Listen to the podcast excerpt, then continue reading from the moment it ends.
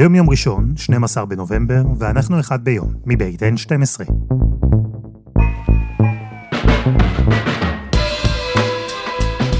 אני אלעד שמחיוף, ואנחנו כאן כדי להבין טוב יותר מה קורה סביבנו, סיפור אחד ביום, בכל יום.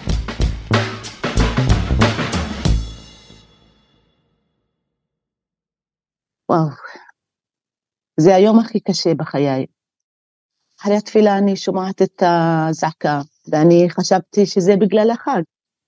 ואז אמרתי, אוקיי, אבל אני שומעת עוד פעם, ואז זיהיתי שזה לא, לא הזעקה אה, רגילה, אלא זה משהו קשור למלחמה. ואז אה, הדבר הראשון שעשיתי זה הערתי את הבנות שלי, חיבקתי אותן, חיזקתי אותן כי נבהלו, והייתי בהלם. עמל אבו אל-קום גרה ביישוב לא מוכר בדרום, אבל ב-7 באוקטובר היא הייתה בשגב שלום, דרומית לבאר שבע, בבית שהיא מזכירה כדי להיות קרובה לבית הספר של הבנות. אני שומעת מיד כל מיני אה, רקטות, ואז עוד אחר, אחר כך אמרו אנשים שנפגעו מהמשפחה שלנו, הגיסים שלנו, ממשפחת אל-קוראן, ארבעה ילדים, וישבנו רק לראות או לשמוע, לפחד על החברים שלנו, הילדים שלנו, אנשים, כולנו כעם אחד, יהודים וערבים, אף אחד לא יודע מה. היא הייתה כל הזמן בקשר עם החברים ועם המשפחה. היא קיבלה בזמן אמת עדכונים על החרדה הגדולה וגם על האבדות שהתחילו להצטבר. כל אדם התחיל לדאוג לאנשים שהוא מכיר. אני כל הזמן מסתכלת ואני רואה האנשים שנופלים משני הצדדים. אנשים שאני מכירה, אנשים חטופים שאני מכירה, חברים שאני מכירה, חברים שנפלו, צעירים במשפחת קוראן, הבנות שלנו נשואות שם, באותו משפחה, הם אנשים, הם, הם מה זה משפחה, הם כמו משפחה, הם משפחה, באמת, לכל העניין.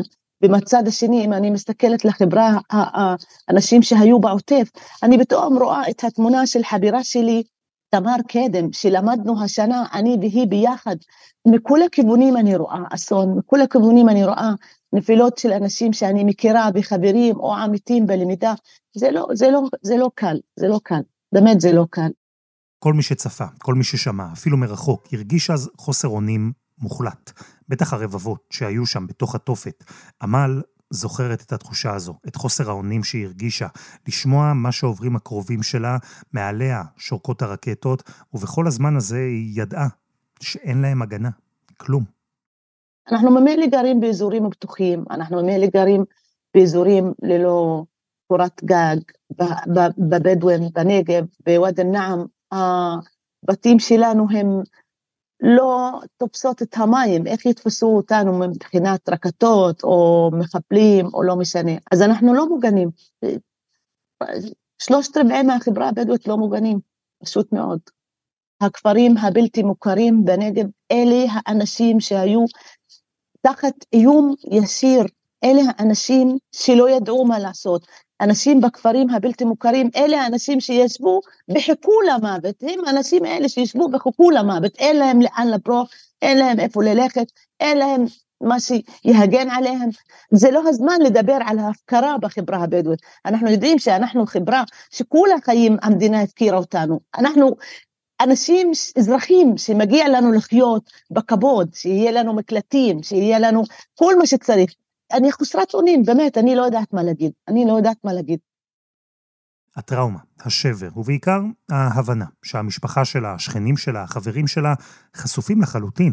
כל אלו הניעו את עמה לפעולה. היא ממילא בעיתות שלום עומדת בראש העמותה נשים בדואיות למען עצמן, ופעילה בעמותות נוספות. אז בבוקר שאחרי השבת ההיא, היה לה ברור מה היא צריכה לעשות. עשיתי שמוניות באוויר, אנשים יושבים בבתים, אני השארתי את הבנות שלי בבית, פה בשגב שלום, אמרתי להם תשבו במקלט, ואני יצאתי שמונה ימים ברצף, מהבוקר עד הלילה, אני בבית ספר טכנולוגי בשגב שלום, מפעילה נקודת חמ"ל לאנשים, לטובת האנשים בכפרים הלא מוכרים. הפצתי קישור לתרומות, הפצתי לכל החברות והחברים שלי, אנחנו זקוקים פה לעזרה, וראיתי את ההתגייסות האזרחית של האנשים שבאים מכל מיני מקומות בעולם, בארץ, תחת הפחד, תחת הרקטות, את מה שאני ראיתי לזה, אני, אני, זה דבר שבחיי לא ראיתי, וזה דבר טוב. ההדדיות של האנשים, אני לא לבד, אני פה עם צוות גדול של נשים מתנדבות, של נשים מתנדבות מהחברה הבדואית ומהחברה היהודית, עם אנשים מתנדבים מכל מיני מקומות, זה לא רק, לא רק עמל. החמ"ל שעמל הקימה ומתפעלת עובד מאז בלי הפסקה. אופרציה גדולה שנועדה לספק סיוע ותמיכה לאנשים שאין להם תמיכה. אין להם אפילו ממ"ד. והיא, כמו כולנו בעצם, עדיין עמוק בעשייה, עמוק בנתינה ובהתנדבות, אבל היא יודעת שביום שאחרי, כשהוא יגיע, רק אז, היא והחברה הבדואית כולה, רק אז הם יתחילו לעכל ולהתמודד עם מה שקרה להם בשבעה באוקטובר. אנחנו כולנו רוצים שהמלחמה הזאת תסתיים ותסתיים מיידית. אני יודעת גם שהאנשים בעזה, אזרחים, אנשים בעזה, אנשים משלמים מחיר, מחיר מאוד כבד. מלחמה זה רק הפסד. אני, לא רק המלחמה, המלחמה בטוח יבוא יום ותיגמר, אבל הם לא שברו אותנו כאנשים. המלחמה שברה אותנו, שברה את האמון, שברה את כל מה שניסינו לעשות בשנים ארוכות. הכל נשבר, הכל נשבר. אז ביום ה-37 למלחמת אוקטובר 23, אנחנו עם שתי קבוצות ישראליות שיש בהן שוני אבל גם לא מעט דמיון. הפעם אנחנו עם איך נראית המלחמה מהעיניים של החברה הבדואית והחברה הדרוזית בישראל. שלום יוסי מזרחי. שלום אלעד. בשבועות האחרונים אתה עשית אה, כמה כתבות, יצאת לשטח, פגשת אנשים מהקהילה הבדואית והדרוזית, ושמעת מהם איך הם חווים את המלחמה הנוראה הזו שכולנו חווים. בואו נתחיל מהחברה הבדואית, כמו ששמענו, היא ספגה אבדות קשות, יש שם נרצחים, יש שם גם חטופים. כן, אז זה מחולק לכמה גוונים שונים. אז קודם כל, מרבית הבדואים שמתגוררים אה, בדרום, אנחנו מדברים על שם יותר מ-200 אלף שפזורים בכל השטח. למרות שהטילים עפים לכיוון שלהם או מעליהם אה, כבר הרבה מאוד שנים, הם גילו רק באיחור שהם לא נמצאים בפוליגון ההתראה או בפוליגון הירי של כיפת ברזל. רוב השטחים שם מוגדרים כשטחים פתוחים עדיין, ומצד שני אין להם ממ"ד, מחסה, אין להם שום דבר משמעותי שיכול להגן עליהם. אז אה, כבר בתחילת המלחמה, כשכמות הירי הייתה אדירה, משש וחצי ואילך, מה שבא לכסות על אה, אותה התקפה פראית לתוך שטח ישראל, אז היישובים הבדואים היו אלו שספגו חלק גדול מהירי. ביישוב אחד לדוגמה, יישוב לא מוכר ליד הכפר מולדה בסמוך לנבטים, שני טילים פגעו שם, טיל אחד ליד הכפר, טיל אחר באמצע הכפר, ארבעה ילדים אה, נהרגו שם, ביניהם שני אחים, וסביר שרובנו לא שמענו על זה בתוך כל הבלגן והמהומה שמסביב. זה מבחינת התושבים. מבחינת האנשים שנפגעו, אז יש כבר משפחות של חטופים. יש לפחות שבעה חטופים בדואים שנלקחו לתוך שטחי עזה, למרות שידעו שהם ערבים, שהם מוסלמים, ומבחינת החמאס זה לא שינה דבר. בין החטופים יש גם אה, משפחה אחת, אב ושלושה ילדים אה, משבט אל-זיאדנה שנלקחו בשבי, ורואים בחלק מהתמונות איך הפשיטו אותם, שמו אזיקים, העמיסו אותם למכוניות ופשוט לקחו אותם איתם, למרות אה, הידיעה לגבי הזהות שלהם.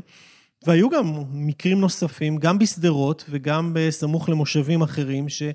תושבים בדואים שפשוט עברו בסביבה, נסעו על הכביש, חטפו ירי מאופנועים של חמאס. אה, אחד מהם פגשתי בו, בחור בשם אה, חמיד, סיפור מדהים, אה, אלעד, בחור שנולד וגדל ברפיח, עזתי במקורו, עבר לישראל לפני כמעט 30 שנים, התחתן פה, הביא ילדים, תשעה ילדים לעולם, ואשתו הסיעה אותו באותו בוקר לעבודה. אני אה, עובד בענף החקלאות בקטיף, אז אה, היא רק מסעה אותי לעבודה, אז היה לנו קשה לעבוד. ומכיוון שהיא הסיעה והייתה במושב הנהג, והירי של החמאס הגיע מהצד הזה, אז אה, היא זו גם שחטפה את מרבית האש ונרצחה במקום. חמישי, בשיעה, כולם, שמונה אופנועים ירו עלינו. אתה מסתכל על האישה, האישה כדורים בראש, בכתף, בכל הצד השמאלי, אפילו עד כף רגל. אז ידעתי ישר אז האישה לא תהיה בחיים. עניין דקות או שניות לא תהיה בחיים. מהצד השני, נפגעו מאוד קשה מעצם העובדה שהחמאס עושה את מעשי הזוועה האלו בשם האסלאם. ובאה שם הטענה של החמאס, כאילו, אני מייצג את האסלאם, ולכן בשם האסלאם אני חודר ליישובים יהודים, אני רוצח מכל הבא ליד, ילדים, נשים, ועושה את כל הזוועות האפשריות. ומבחינת הבדואים או מוסלמים בכלל, גם פגשנו גם כאלו שערבים מוסלמים שמשרתים בצבא לאורך החודש האחרון, מאוד נעלבו, זה כאילו אה, לקחת אותם ולשים אותם במחנה השני, כי בגלל שהם מוסלמים וזה כאילו ייצוג של האסלאם, והדברים ששמענו שם בנגב, אה, הם אומרים פשוט על החמאס, מדובר בחבורה של ברברים, מסוממים, אה, רוצחים, הם לא מייצגים לא אותנו, לא את הפלסטינים, לא שום דבר. תגידו לי, על איזה דת הם מדברים? לבוא ואישה שוכבת במיטה שלה, בחדר שינה שלה, באמצע הלילה, בשעה חמש בבוקר, שש בבוקר, לשחוט אותה היא בילדיה. לחטוף קשישים. זה דת שלנו? אני אומר את זה מול המצלמה. הדת שלנו לא אומר לך להרוג אנשים, נשים, לא אומר לך לגעת בילדים, לא אומר לך לגעת בקשישים, לא לבוא לאנשים בימי משנים, לא אומר לך לאנוס, לא אומר לך ולא אומר לך. לא, הדת שלנו לא אומר את זה. בסוף השבוע פורסם סקר של המכון הישראלי לדמוקרטיה שמראה אחוזי אה, שיא חסרי תקדים בתחושת השייכות של החברה הערבית למדינת ישראל. 70 אחוז אמרו שהם אה, מזדהים עם המדינה, אנחנו לא ראינו כאלה נתונים. מעניין אותי, יוסי, אם זה סנטימנט שעלה גם בשיחות שאתה ערכת עם אה, אנשים בתוך החברה הבדואית. מבחינת הבדואים, לפחות האלו שאנחנו שוחחנו איתם, זה היה עשרות אנשים שונים לאורך הימים האחרונים, קודם כל, מבחינת ההבנה הבסיסית שהייתה להם בהתחלה, שיש מקום אולי לשפר את הזכויות של תושבי עזה, לשפר את הקשר שלהם לעולם, לשדה תעופה, או אה, להפוך אותם למדינה נורמלית, נדמה לי ששם זה די מקביל לחברה היהודית, שם נפל דבר, הם לא רואים את זה בכלל בלקסיקון עכשיו, לא רלוונטי מבחינתם. מהצד השני, אני שמעתי הרבה מאוד מהבדואים, ולא רק מהם, את המשפט, אה, צמד המילים, אני ישראלי, ומדגישים את זה שם, ו... וכשאתה מנסה לרדת לעומק, מה קרה שעכשיו, דווקא בזמן הכי גרוע אולי לישראלים, ליהודים, אה, הם מרגישים ככה, אז אחד, זה הריחוק ממעשים של אסלאם, בשם האסלאם של החמאס, ושתיים, הם מזדהים עם הקורבנות הישראלים שהם חלק מהם. עצם מעשי הזוועה הזאת, האלו וההכנסה של הבדואים לאותה משוואה, הפך אותם, אתה יודע, לצד השלילי, לחלק מאוד ברור מאיתנו, מכל השאר, מה שבשנים האחרונות היו רבים, אה, כולל בכירים בממשלה, שניסו לעשות, להוציא אותם החוצה, וכעת, אה, באופן פלא, דווקא החמאס משך אותם הכי פנימה שיש. אז זה שינוי בתפיסה, אבל אתה יודע, יוסי, שווה להגיד, זה שינוי גם ביחס למוניטין ובעיקר לשיח שהתנהל סביב החברה הבדואית בנגב, בטח בשנים האחרונות.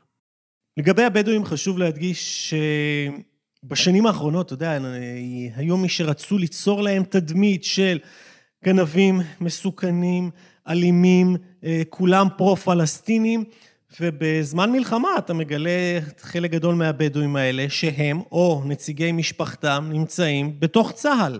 ולוחמים כתף אל כתף בצורה מרשימה. אני אה, סיקרתי במשך יומיים את הקרב של, אה, וצילמנו את הקרב של הלוחמים הבדואים, הגששים, על אוגדת עזה, בתוך האוגדה, עם כולל מצלמות אבטחה, ואתה רואה כמה חשוב היה להם להילחם באותו זמן, נגד מי הם נלחמו, לא היה ספק בכלל לרגע מי הטובים ומי הרעים, ולאחר הקרב, כולם חזרו על זה שלמרות דברים שמשפיעים עליהם ומפריעים להם, חוק הלאום, אה, חוק קמיניץ, הריסות הבתים בנגב והדברים שהשר בן גביר אומר נגדם חדשות לבקרים, הם שמו את כל זה בצד, פשוט לחמו, יש שם אה, לוחמים שנהרגו גם, אבל בעיניהם זה לא הייתה פה בכלל שאלה. אני פה, זה מה שאני צריך לעשות, אני לוחם, ובכך אה, גם גאה להגיד בסוף, אני ישראלי. יפה. ותגיד, אה, מצד המדינה, מזהים שינוי ביחס גם? כלומר, השינוי הזה הוא הדדי? תראה, זה מדהים מה שקורה אחרי יום אחד. הרי מעל הבדואים, גם האלה שגרים רחוק יותר, לאזור באר שבע, יורים כבר למעלה מעשור, באופן אה, די קבוע, באינטרוולים שונים אבל. וכולם ידעו את הסכנה, ועדיין, מדינת ישראל, ממשלת ישראל, פיקוד העורף, לא עשה הרבה בעניין הזה. היה חוסר, היה חוסר של ה... לא יודע אם האחראים על כל העניין של ה... אנשים כמו המועצות, כמו פיקוד העורף. גם אם הייתה אזעקה, אתה יודע לאן ללכת, מה לעשות? אז גם את זה לא. גם את זה לא. השאלה אם אפשר לעשות, והנה אתה רואה, בדיוק אחרי השבעה באוקטובר, פתאום אפשר לעשות. פתאום יש סוללות עפר ויצרו להם סוג של מגננים שבעת אזעקה הם יכולים להיכנס פנימה. פתאום אפשר לחבר אותם בכלל לאזעקה. אה, שתהיה ביישובים מסוימים, אפשר לחבר אותם לאפליקציות, אפשר לעבוד על הסברה, דבר שלא היה קודם, ואני שומע בעיקר טענות אה, נגד נציגי ממשלה ונגד פיקוד העורף, שלא מספיק הסבירו להם לטענתם את האפשרות שהטילים אכן יפגעו שם. וזה בין היתר גרם לשאננות שלהם, ומצד שני, מה שהמדינה עשתה עכשיו, בחודש האחרון, לטובת הבדואים והגנתם, גם בשבטים קטנים ומרוחקים, זה רק אומר שאפשר היה לעשות את זה הרבה קודם, פשוט אף אחד לא חשב על זה, הם לא היו בכלל בסדר העדיפות של מדינת ישראל. יוסי, אתה ביקרת גם נציגים של החברה הדרוזית, וגם מהם שמעת על 7 באוקטובר ועל המלחמה שנערכת מאז. בחודש יוני האחרון, אנחנו עשינו כאן פרק על אה, מחאת הדרוזים סביב הטורבינות בצפון, ודיברנו אז הרבה על החיבור, חיבור מוכר וידוע, בין העדה הדרוזית לבין צה"ל. מעניין אותי איך החיבור הזה נראה עכשיו, אחרי 7 באוקטובר? מבחינת אה, רמת האדיקות של הלוחמים שם, זה דברים שטרם יצא לי לראות. אה, גדוד הדרוזים, נדבר על הגדוד חרב, שהוא קיים במילואים והוא לוחם בגזרה המערבית בגבול לבנון. ברגע שהקפיצו אותם, בגלל שחלק גדול מהכפרים הדרוזים נמצאים בצפון, אז הם פשוט עלו על מדים, הגיעו מהר לימ"חים. בתוך שעתיים וחצי מרגע קבלת הצו 8, אותה הקפצה, אנשים כבר היו במוצבים. לאחר מכן אתה רואה גם את המחיר שהם שילמו, ולמרות המחיר, שומע גאווה גדולה על, על מחיר בזמן שכזה, עבור מטרה שכזו, הגנה על מדינת ישראל. זה כואב לי בלב, אני בוכה, כל החיים מבכה עליו, אבל אני גאה שגידלתי בן, שמר על כל המדינה, כל החיילים, כל האנשים. זה המדינה שלי. ואולי דווקא נוכח האובדן הזה, המחיר שהעדה הדרוזית משלמת. אנחנו שמענו כאן את אימא של סגן אלוף סלמן חבקה, מג"ד 53 בחטיבת השריון, שנפל בעזה. ואני מצפה מכם, עם ישראל, מצפה מכם להמשיך להיות מאוחדים, להמשיך להיות חסונים, להמשיך להיות מלוכדים, כי רק ביחד נדע לנצח, כי כוחנו באחדותנו, אין לנו ברירה אחרת. וזה הסרטון האחרון שהוא צילם לפני שהוא נפל. אז נוכח האובדן הזה, יוסי, דיברו איתך שם על התחושות הקשות שליוו את העדה הדרוזית בשנים האחרונות, נניח סביב חוק הלאום? הם מדברים על זה, או שכרגע בזמן המלחמה פשוט שמו את כל התחושות האלה בצד? זה קיים, קשה לנתק את זה. גם אותם חיילים או קצינים על מדים שמדברים ואנחנו מראיינים אותם, הם משתדלים לא להגיד את זה בצורה ישירה, אבל זה מרחף ממעל כל הזמן, ואני אגיד ש... אה, לצערי, לא שמתי לב אפילו בזמן אמת עד אה, כמה עמוק העלבון שלהם, בעיקר מחוק הלאום. כן, כאילו, כי אתה מבין, יש פה דיסוננס, מין סתירה פנימית כזאת, כאילו מצד אחד אני מרגיש חלק ואני, ואני אוהב, מצד שני, כאילו כשאני חושב על הדברים האזרחים אני מרגיש קצת מקופח, אז זה, זה שני דברים ש, שמתנגשים, כאילו זה, זה קשה, קשה לעיכול. דהיינו, אתה לקחת אותם ואתה הוצאת אותם מהקבוצה, שמת אותם בחוץ, אמרת להם, תראו, אתם uh, תעבדו כמונו, תשלמו מיסים כמונו, תשרתו בצבא, אגב, הם משרתים קצת בכמה אחוזים יותר מהחברה היהודית, תשרתו בקרבי, אתם תמותו איתנו ביחד, אבל אתם שונים, אתם אחרים, אתם שווים פחות. ועצם ההצהרה הזאת, גם אם זה חוק הצהרתי בלבד, יצרה שם עלבון עמוק מאוד. אני חושב שבגלל המחיר כרגע, העלבון הזה רק... Uh, העמיק. אז גם אלה שלא אומרים את זה בצורה ישירה, כמו אה, אלמנתו של עלים עבדאללה, סגן אלוף, שנהרג, מונה קוראים לה, היא אמרה בפירוש, את החוק הזה צריך לבטל. ומה את מצפה מהמדינה עכשיו?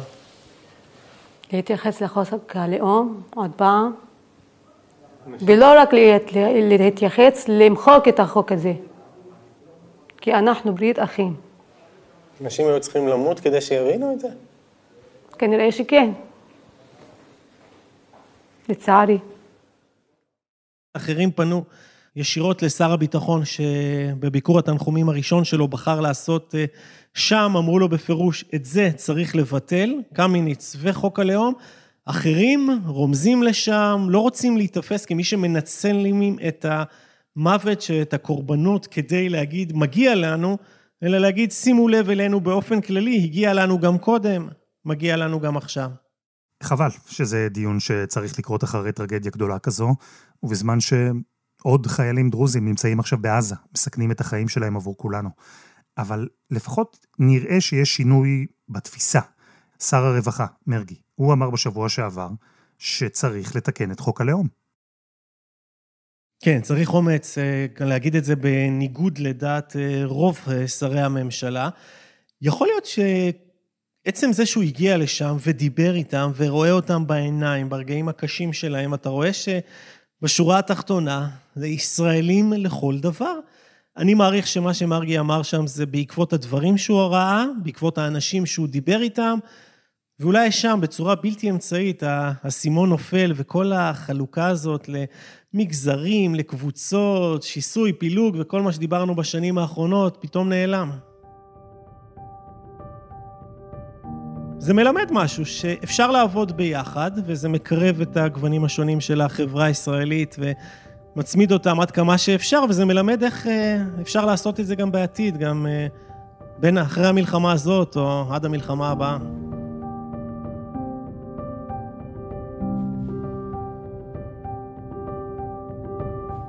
יוסי מזרחי, תודה רבה. תודה, אלעד. ותודה לעמל אבו אל-קום.